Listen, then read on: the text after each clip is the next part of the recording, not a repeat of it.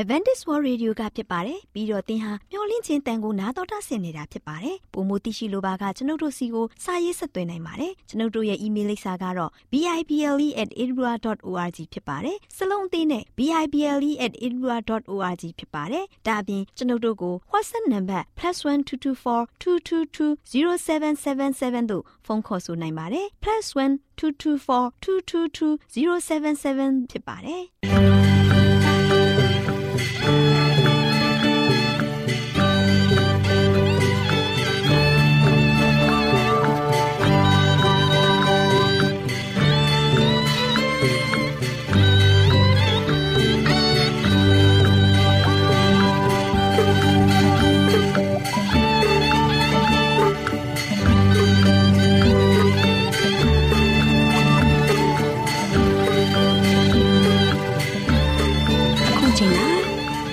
မျော်လင့်သောတတ္တမနေ့အသင်းတော်ရဲ့ရေဒီယိုအစီအစဉ်ဖြစ်တဲ့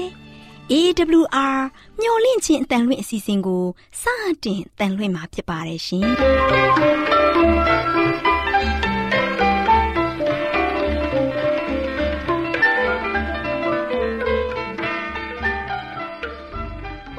တော်တာရှင်များခင်ဗျာမျော်လင့်ခြင်းအတန်မြန်မာအစီအစဉ်ကို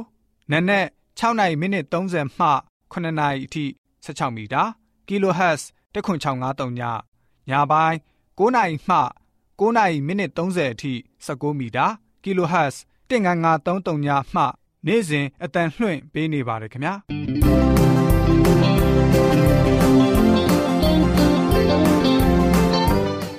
ဒေါက်တာရှင်များရှင်ဒီကနေ့ထုတ်လွှင့်တင်ဆက်ပေးမယ့်အစီအစဉ်တွေကတော့ကျမ်းမာပျော်ရွှင်လူပေါင်းတွင်အစီအစဉ်တရားဒေသနာတော်အစီအစဉ် အထွေထွေဘုဒ္ဓအစီအစဉ်တို့ဖြစ်ပါတယ်ရှင်။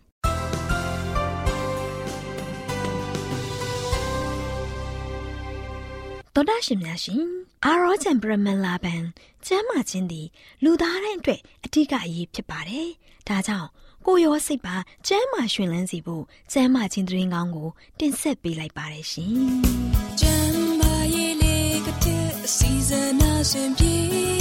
လိုက်လျှောက်တမဲ့ထိ မျော်လင့်ခြင်းတန်တော်တာရှင်များရှင်ကျမပြောရွှင်လူပေါင်းတွေအစီအစဉ်မှာအံ့ဖွယ်ဆေးနေအောင်ကြီးဆိုတဲ့ကျမရေးပညာပေးသတင်းစကားလေးကိုတင်ပြပေးသွားမှာဖြစ်ပါတယ်တော်တာရှင်များရှင်နေအောင်ကြီးမှာများစွာအကျိုးပြုတဲ့တန်မိုးရှိဓာတ်တဘာဝတွေပါဝင်နေပါတယ်အံ့ဖွယ်ဆေးနေအောင်ကြီးကဘက်တီးရီးယားပိုးတွေကိုတတ်ပေးတာ နမိုနီးယားအဆုတ်ရောင်ယောဂါကို ကာကွယ်ပေးတာ TB အဆုတ်နာယောဂါကို တိုက်ဖျက်ပေးတာ အသက်ရှည်စေတာဟော်မုန်းတွေညှိပေးတာအရေးပြားကိုလှပစေတာကင်ဆာယောဂအချို့ကို ကာကွယ်ပေးတာစတဲ့ကောင်းကျိုးတွေဖြစ်ပါတယ်။ဒါအပြင် အစားကျူတာကို ခုခံကာကွယ်တာစိတ်ကြယောဂါကိုဖယ်ရှားပေးတာအသက်ကြီးသူတွေချော်လဲရင် ရုတ်တရက်အယိုးမကျိုးစေဖို့ကာကွယ်ပေးတာခန္ဓာရည်တိုးတက်စေတာချွတ်သားတွေကိုတန်မာစေတာနာတာရှည်ကြောက်ကပျက်စီးရွရွင်းမှုကိုကာကွယ်ပေးတာစတဲ့အကျိုးကျေးဇူးတွေလည်းများစွာရှိပါတယ်သောတာရှင်များရှင်နေအောင်ကြည်ကားရရှိတဲ့ဗီတာမင် D ကကျမတို့အတွက်မရှိမဖြစ်လိုအပ်တဲ့ဆေးတစ်ပါးဖြစ်ပါတယ် လူများစွာတို့ဟာသွေးထဲမှာဗီတာမင် D ချို့တဲ့နေတာကို တွေ့ရပါတယ်။ယနေ့သူတေသနာလေ့လာမှုအရာနာတာရှည်ယောဂများစွာကို လုံလောက်တဲ့ဗီတာဒီနဲ့ကာကွယ်နိုင်ပါတယ်။သောတာရှင်များရှင်အံွယ်စေးနေအောင်ကြီးကိုတင်းတင်းစွာရရှိစေမယ်ဆိုရင်ပြန်ရည်အကျိတ်ကင်စာနဲ့မှဲ့ကင်စာဖြစ်ပွားမှုကိုကာကွယ်ပေးပါတယ် လေးလာတွေ့ရှိချက်အရပြည့်ရည်ကလန်းအကျိတ်ကင်းစားဖြစ်ပွားမှုကို40ရာခိုင်နှုန်းအထိလျှော့ချပေးပါတယ်။ဗီတာမင်ဒီကိုလုံလောက်စွာရရှိခြင်းဖြင့်ကင်ဆာရောဂါဖြစ်ဖို့အခွင့်အလမ်း30ရာခိုင်နှုန်းကျဆင်းသွားပါတယ်။လူတိုင်းမှာမိမိတို့ရဲ့သွေးအတွင်းဗီတာမင်ဒီလုံလောက်စွာရရှိရင်ကင်ဆာဖြစ်ဖို့အခွင့်အလမ်းအတော်များများကိုဖယ်ရှားပစ်ပေးပါတယ် သောတာရှင်များရှင်အမေရိကန်မှာလူ၃ယောက်မှတစ်ယောက်ကကင်ဆာကြောင့်သေဆုံးကြရပါတယ်သောတာရှင်များရှင်မိမိတို့ရဲ့သွေးအတွင်းဗီတာမင်ဒီဓာတ်ကို90အထက်မှာထိန်းထားပေးခြင်းဖြင့်ကင်ဆာရောဂါစီးချိုအမျိုးအစားတစ်နှလုံးတိုက်ခိုက်မှုနဲ့အယိုးကျိုးခြင်းများကို ကာကွယ်နိုင်ကြောင်းတွေ့ရတာကအံ့ဩဖွယ်ရာဖြစ်ပါတယ်ရှင်။သောတာရှင်များရှင် လုံလောက်တဲ့ဗီတာမင်ဒီဓာတ်ရဖို့နေအောင်ကြည်တံကာကွယ်ဆေးမလိမ့်ပဲနံနက်10နာရီပတ်ဝန်းကျင်နဲ့ညနေ4နာရီပတ်ဝန်းကျင်မှာနေအောင်ချီကိုအရေးပြားပေါ်ဓာတ်ရိုက်ထိတွေ့ဖို့10မိနစ်ကြာလိုအပ်ပါတယ်။နေအောင်မရတဲ့ရာသီနဲ့နေအောင်မရတဲ့ဒေသတွေအတွက်ဗီတာမင်ဒီဓာတ်ကိုသုံးဆောင်နိုင်ပါတယ်။သောတာရှင်များရှင် အံ့ဩစရာကောင်းတာက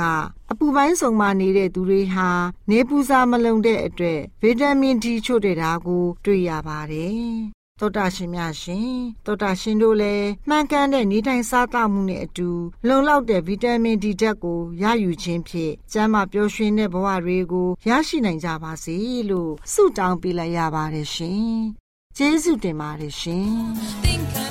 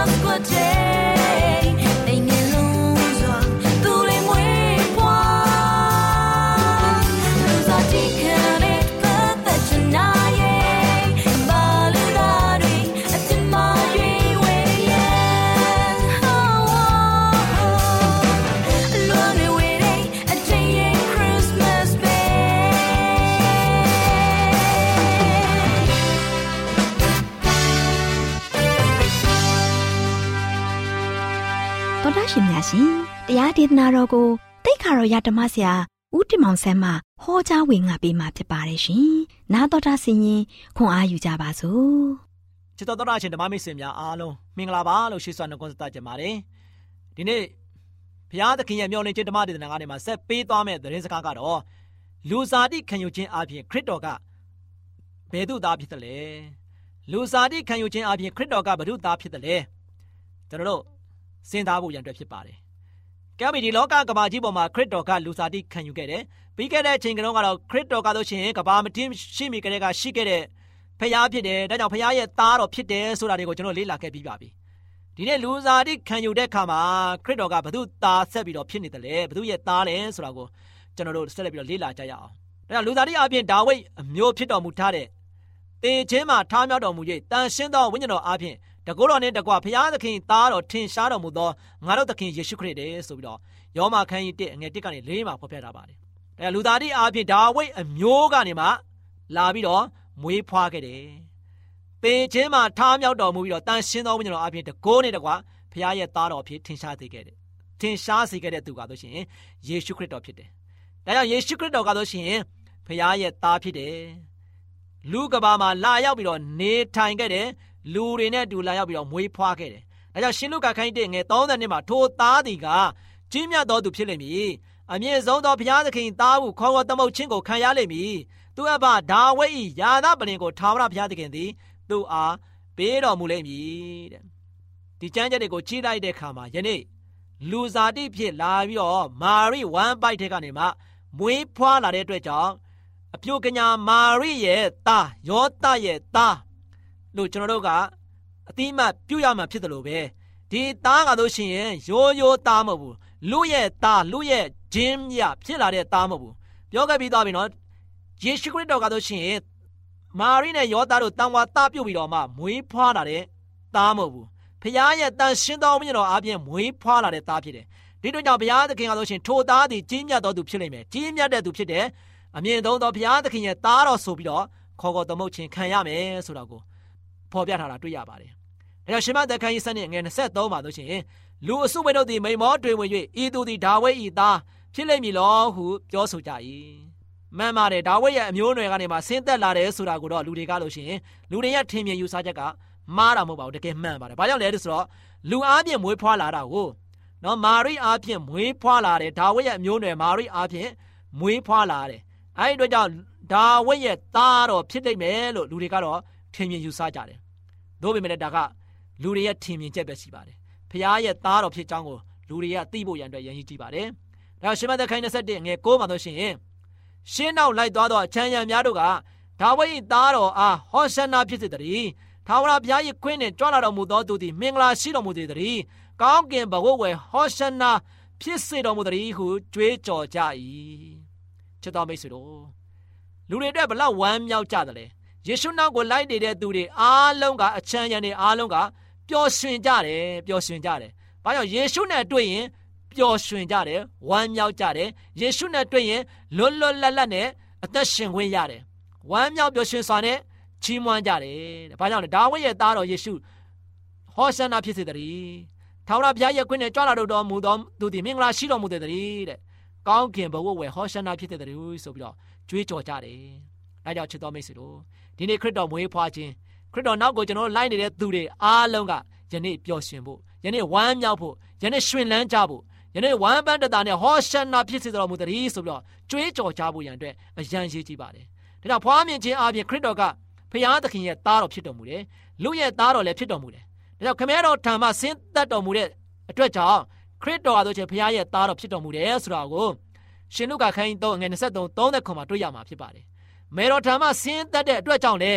ခရစ်တော်ကလူရဲ့သားဖြစ်တော်မူတယ်။ဒါကြောင့်ဒါဝိဒ်ရဲ့သားဟူ၍၎င်းလူရဲ့သားဟူ၍၎င်းခရစ်တော်၏အမျိုးအနွယ်ကိုလိုက်စစ်ခြင်းအပြင်မိဘဘက်ကအမျိုးအနွယ်ကိုသာဆိုရသည်ဆိုပြီးတော့မိမရဲ့အမျိုးအနွယ်ဟူ၍ခရစ်တော်ဖြစ်ခဲ့ရတယ်ဆိုပြီးတော့ကပ္ပဦးကျမ်းခန်း3ငယ်15မှာဆိုရှင်ကျွန်တော်တွေ့နိုင်မှာဖြစ်ပါတယ်။ဒါကြောင့်ချစ်တော်မိတ်ဆွေတို့ဘုရားသခင်အားလို့ရှိရင်ယနေ့ ကျွန်တော်တို့နဲ့အတူလာရောက်ပြီးတော့နေထိုင်ခဲ့ရုံနဲ့မကဘဲနဲ့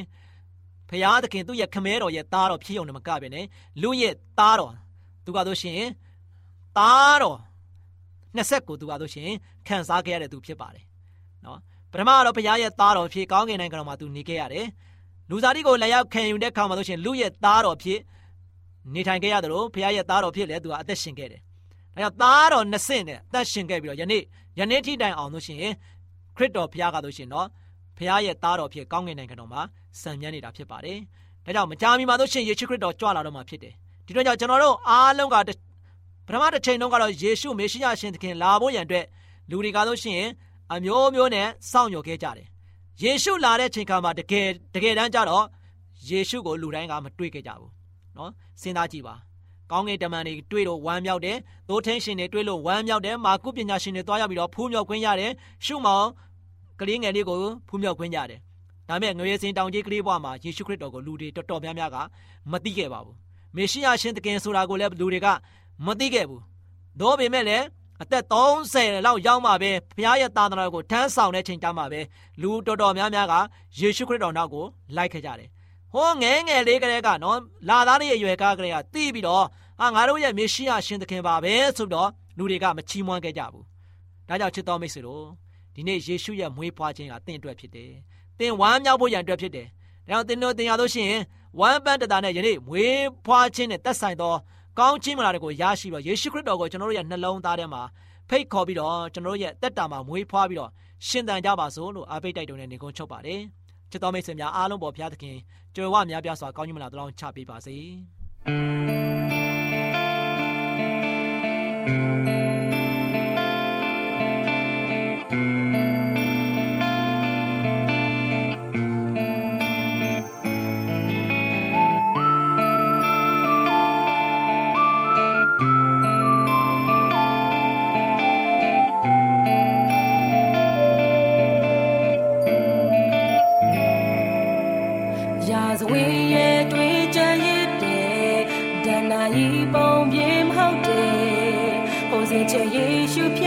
ပေါ်ထွန်လာပဲလေမဘာပေါ်တွင်သူထင်ရှားခဲ့လေ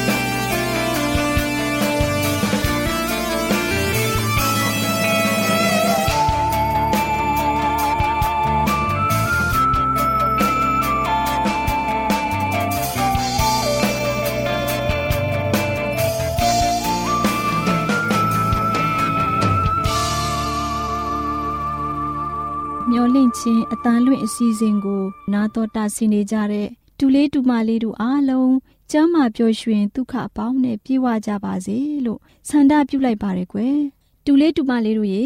ခရစ်တော်မွေးဖွားတဲ့လမှာခရစ်စမတ်နဲ့ပတ်သက်တဲ့ပုံပြင်လေးတွေကို နားထောင်ကြရအောင်နော်ဒီနေ့တော်လေးလှလှပြောပြမယ်မှတ်သားဖွယ်ရာပုံပြင်လေးကတော့ခရစ်စမတ်လက်ဆောင်ရဲ့အံ့အားသင့်စရာဆိုတဲ့ပုံပြင်လေးပေါ့ကွယ်တူလေးတူမလေးတို့ရေ ဥပဖြိုးဆိုတဲ့ဘာကြီးတယောက်ရှိတယ်ကွ။ဥပဖြိုးဟာ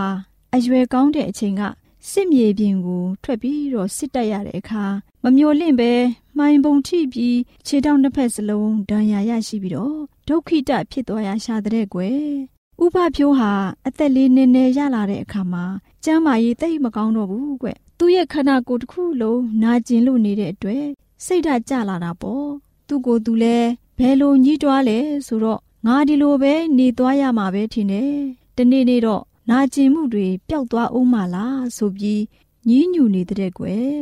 ဒါပေမဲ့အဲ့ရထဲမှာပဲအမြဲလိုထိုင်နေရတော့ညင်းငွေတာပေါ့သူ့ကိုအိမ်နာနီးချင်းကလူတွေအမြဲပဲအကူအညီပေးရတာပေါ့ကွယ်တနေ့ရရသွားရင်လဲဖင်ရွှေ့ဖင်ရွှေ့နဲ့ပဲသွားနေရတယ်ဥပဖြိုးဟာငါဒီလိုပဲနေသွားရင်မလွယ်ဘူး ငါဘာလုပ်ရင်ကောင်းမလဲလို့စဉ်းစားနေလေရဲ့သူထိုင်နေရင်ပြင်းတာနဲ့ရှင့်ရုပ်ကလေးတစ်ခုပြုတ်လုနေတာပေါ့ရှင့်ရုပ်လေးဟာအင်မတန်မှချစ်စရာကောင်းတယ်လေမျက်လုံးလေးပြူးပြူးလေးနားလေးထောင်နေတဲ့ပုံစံလေးပေါ့အဲ့ဒီလိုလှုပ်ပြီးအယုတ်ကလေးကိုသူ့ရဲ့ဘေးနားမှာချထားလိုက်တယ်ကွအဲ့ဒီအချိန်မှာခြေတံကြားလို့ကြည့်လိုက်တော့တကားပေါက်မှာပီတာနဲ့ဒေါ်မီဆိုတဲ့ကလေးလေးနှစ်ယောက်ပြုံးပြီးသူ့ကိုကြည့်နေကြတယ် ဒီလူငယ်လေးနှစ်ယောက်ကသူ့ကိုအမြဲပဲကူညီပေးတဲ့သူတွေပေါ့လူငယ်လေးနှစ်ယောက်ကဘာကြီးဖြိုးဘာကြီးဖြိုးအဘရဲ့ရှင့်ရုပ်ကလေးကသိတ်လာတာပဲကျွန်တော်တို့ကိုလည်းအယုတ်လုတ်ပေးပါလားလို့ပြောကြတယ်ကွဘာလုပ်ပေးရမလဲငါတူတို့ရဲ့လို့မေးတော့ပီတာကကျွန်တော်ကိုမြင်းရုပ်လေးလုတ်ပေးပါလို့ပြောတယ်တော်မီကတော့ကျွန်တော်ကိုတော့နွားရုပ်လေးလုတ်ပေးပါလို့ပြောတယ်ဘာကြီးဖြိုးလဲသူ့ကိုအမြဲပဲလာကူညီပေးတဲ့အတွက်သူတို့သိတ်လိုချင်တဲ့အယုတ်ကလေးတွေကို ကောင်းကောင်းပြုတ်လုပေးတာပေါ့ကွယ်။ဘာကြီးဖြိုးအယုတ်ကလေးတွေပြုတ်လုတတ်တဲ့အကြောင်းတမျိုးလုံးကိုဒီသတင်းပြန့်နှံ့သွားတာပေါ့။ဒါနဲ့ပဲ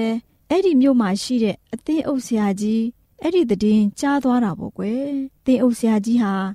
ဥပဖြိုးစီလာပြီးမေးမြန်းတာပေါ့။ဒုက္ခိတအဖိုးဆိုတာလဲသိရောသိသနာသွားတာပေါ့ကွယ်။ နောက်ပြီးဥပဖြိုးကိုခရစ်စမတ်လက်ဆောင်အတွက်တခုခုပြုလုပ်ပေးနိုင်မလားလို့မေးတော့ဥပဖြိုးကပြုလုပ်ပေးနိုင်တဲ့အကြောင်းပြန်ပြောတဲ့အဲ့ဒီအချိန်ကစပြီးခရစ်စမတ်လက်ဆောင်ပြုလုပ်လိုက်တာခရစ်စမတ်နေ့တောင်ရောက်လို့လာတဲ့ကွယ်ဥပဖြိုးကိုလည်းဖိတ်ခေါ်ခြင်းခံရတာပေါ့ဥပဖြိုးဟာဒုက္ခိတဖြစ်လို့သူ့အတွက်ပြိတ္တရဲ့ရှေ့ဆုံးမှာသင်အုပ်ဆရာကနေရာပြင်ပေးတယ်သူပြုလုပ်တဲ့ခရစ်စမတ်လက်ဆောင်ရုပ်ကလေးကိုလည်းပလင်ပေါ်မှာတင်ထားပြီးအပေါ်မှာ ဖြင်းအဖြူလေးနဲ့ဖုံးအုပ်ထားတယ်။ခေါင်းလောင်းထိုးပြီးစီဝေးဖွင့်တချင်းဆိုပြီးတဲ့အခါမှာသင်းအုပ်ဆရာကကြီးညာတယ်။ပရိသတ်တွေလည်းအများကြီးရောက်လာတာပေါ့။ပရိသတ်တွေကပလင်ပေါ်ကပိတ်ဖြူကိုသိစိတ်ဝင်စားကြတာပေါ့။ တချင်းတဝဲလောက်ရောက်တော့ပိတ်ဖြူကိုဖွင့်လိုက်တယ်။တူလေးတူမလေးတို့ရေပိတ်ဖြူကိုဖွင့်လိုက်တဲ့ဆိုရင်ပဲဥပဖြူရဲ့ခရစ်စမတ်လက်ဆောင်ရုပ်ကလေးကိုတွေ့ရတယ်။ဘယ်လိုပုံလေးလဲဆိုရင်သူငယ်တော်ယေရှုလေးနွားစခွက်ထဲမှာအိတ်နေတဲ့ပုံမာရိနဲ့ယောသဘေးမှာရှိနေတဲ့ပုံပညာရှိကြီးမာကုကြီးတွေနဲ့သိုးထိန်တွေခရစ်တော်ကိုပူဇော်ဆက်တာနေတဲ့ပုံဖြစ်တာပေါ့ကွယ်။ဒီလက်ရလေးဟာလေဒုက္ခိတတဲ့ဥပဖြူလက်ရဖြစ်ကြောင်း သင်းအုပ်ဆရာကကြော်ညာလိုက်တယ်။လူတွေလည်းဝိုင်းပြီးချီးကျူးကြတာပေါ့။တစ်ချိန်လုံးစိတ်အားငယ်နေတဲ့ဥပဖြိုးဟာအဲ့ဒီအချိန်ကစပြီးစိတ်အားငယ်တာမရှိတော့ဘဲနဲ့အယုတ်ကလေးတွေလှုပ်ပြီးရောင်းတယ်ဝင်ငွေရတော့သိပ်ပြီးဝမ်းသာတာပေါ့သူရဲ့အသက်တာမှာအားငယ်စိတ်လဲပျောက်သွားပြီးပျော်ပျော်ရွှင်ရွှင်နေသွားတဲ့ကွယ်တူလေးတူမလေးတို့ရေဥပပြိုးဟာခရစ်စမတ်လက်ဆောင်အယုတ်ကလေးတစ်ခုအားဖြင့်အံ့အားသင့်လောက်အောင်စိတ်ပြောင်းလဲသွားတာတွေ့ရတယ်ကွ။တူလေးတူမလေးတို့လည်းခရစ်စမတ်မှာရရှိတဲ့လက်ဆောင်လေးတွေအားဖြင့်ဝမ်းမြောက်ပျော်ရွှင်နိုင်ကြပါစေလို့ဒေါ်လေးလှလှဆုတောင်းလိုက်ပါတယ်ကွယ်။တူလေးတူမလေးတို့အားလုံးခရစ်စမတ်လက်ဆောင်ရဲ့အံ့အားသင့်စရာဆိုတဲ့ပုံပြင်လေးကိုနားတော်တာစီရင်ရွှေလန်းချမ်းမြေ့ကြပါစီကွယ်။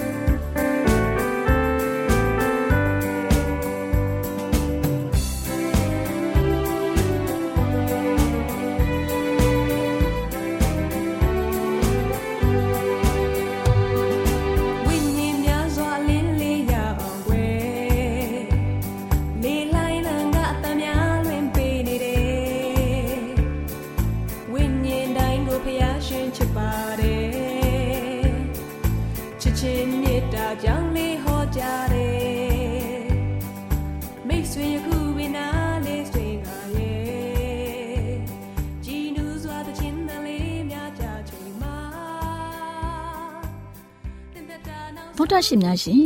ကျမတို့ရဲ့ဗျာဒိတ်တော်စာပေးစာယူသင်တန်းဌာနမှာ အောက်ပါသင်တန်းများကို ပို့ချပေးလျက်ရှိပါတယ်ရှင်သင်တန်းများမှာစိတ်ဓာတ်ဒုက္ခရှာဖွေခြင်းခရစ်တော်၏အသက်တာနှင့်တုန်သင်ချက်များတဘာဝတရားဤဆရာဝန်ရှိပါကျမ်းမာခြင်းနှင့်အသက်ရှိခြင်းသင်နှင့်သင်ကျမ်းမာရေးရှာဖွေတွေ့ရှိခြင်းလမ်းညွန်သင်ခန်းစာများဖြစ်ပါရဲ့ရှင်သင်တန်းအလုံးဟာအခမဲ့သင်တန်းတွေဖြစ်ပါတယ်ဖြစ်ဆိုပြီးတဲ့သူတိုင်းကို ဂုံပြုလွှာချင်းမြင့်ပေးမှာဖြစ်ပါရဲ့ရှင်တော်တာရှင်များခင်ဗျာဗျာတိတော်အတန်းစာပေးစာယူဌာနကိုဆက်သွယ်ခြင်းနဲ့ဆိုရင်တော့ဆက်သွယ်ရမယ့်ဖုန်းနံပါတ်ကတော့39 656 296 336နဲ့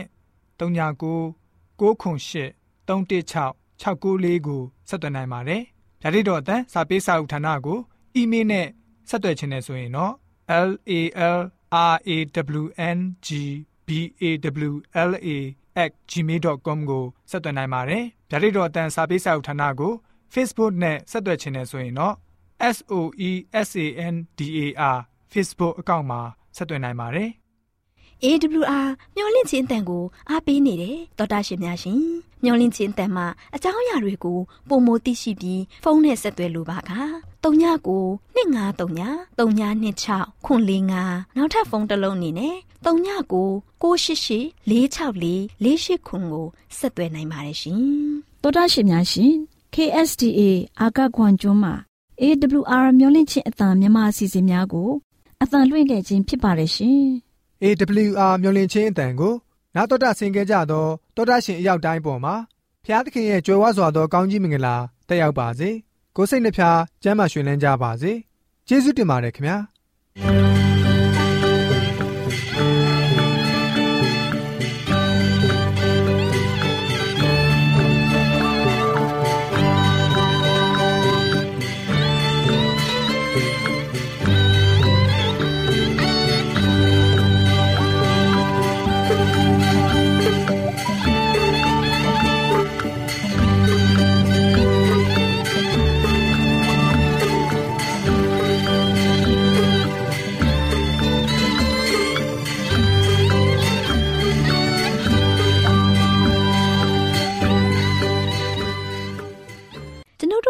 တို့ရဲ့အစီအစဉ်များကိုနာတော်တာဆင်ရင်နှစ်သက်မယ်လို့မျှော်လင့်ပါတယ်မိတ်ဆွေအနေနဲ့လက်ဆောင်လေးတစ်ခုကိုရချင်နေဆိုရင်တော့ကျေးဇူးပြု၍ bible@awr.org သို့စာရေးပေးပါဒါမှမဟုတ်ကျွန်ုပ်တို့ကို WhatsApp နံပါတ် +1224 222 0777သို့ဖုန်းခေါ်ဆိုနိုင်ပါတယ်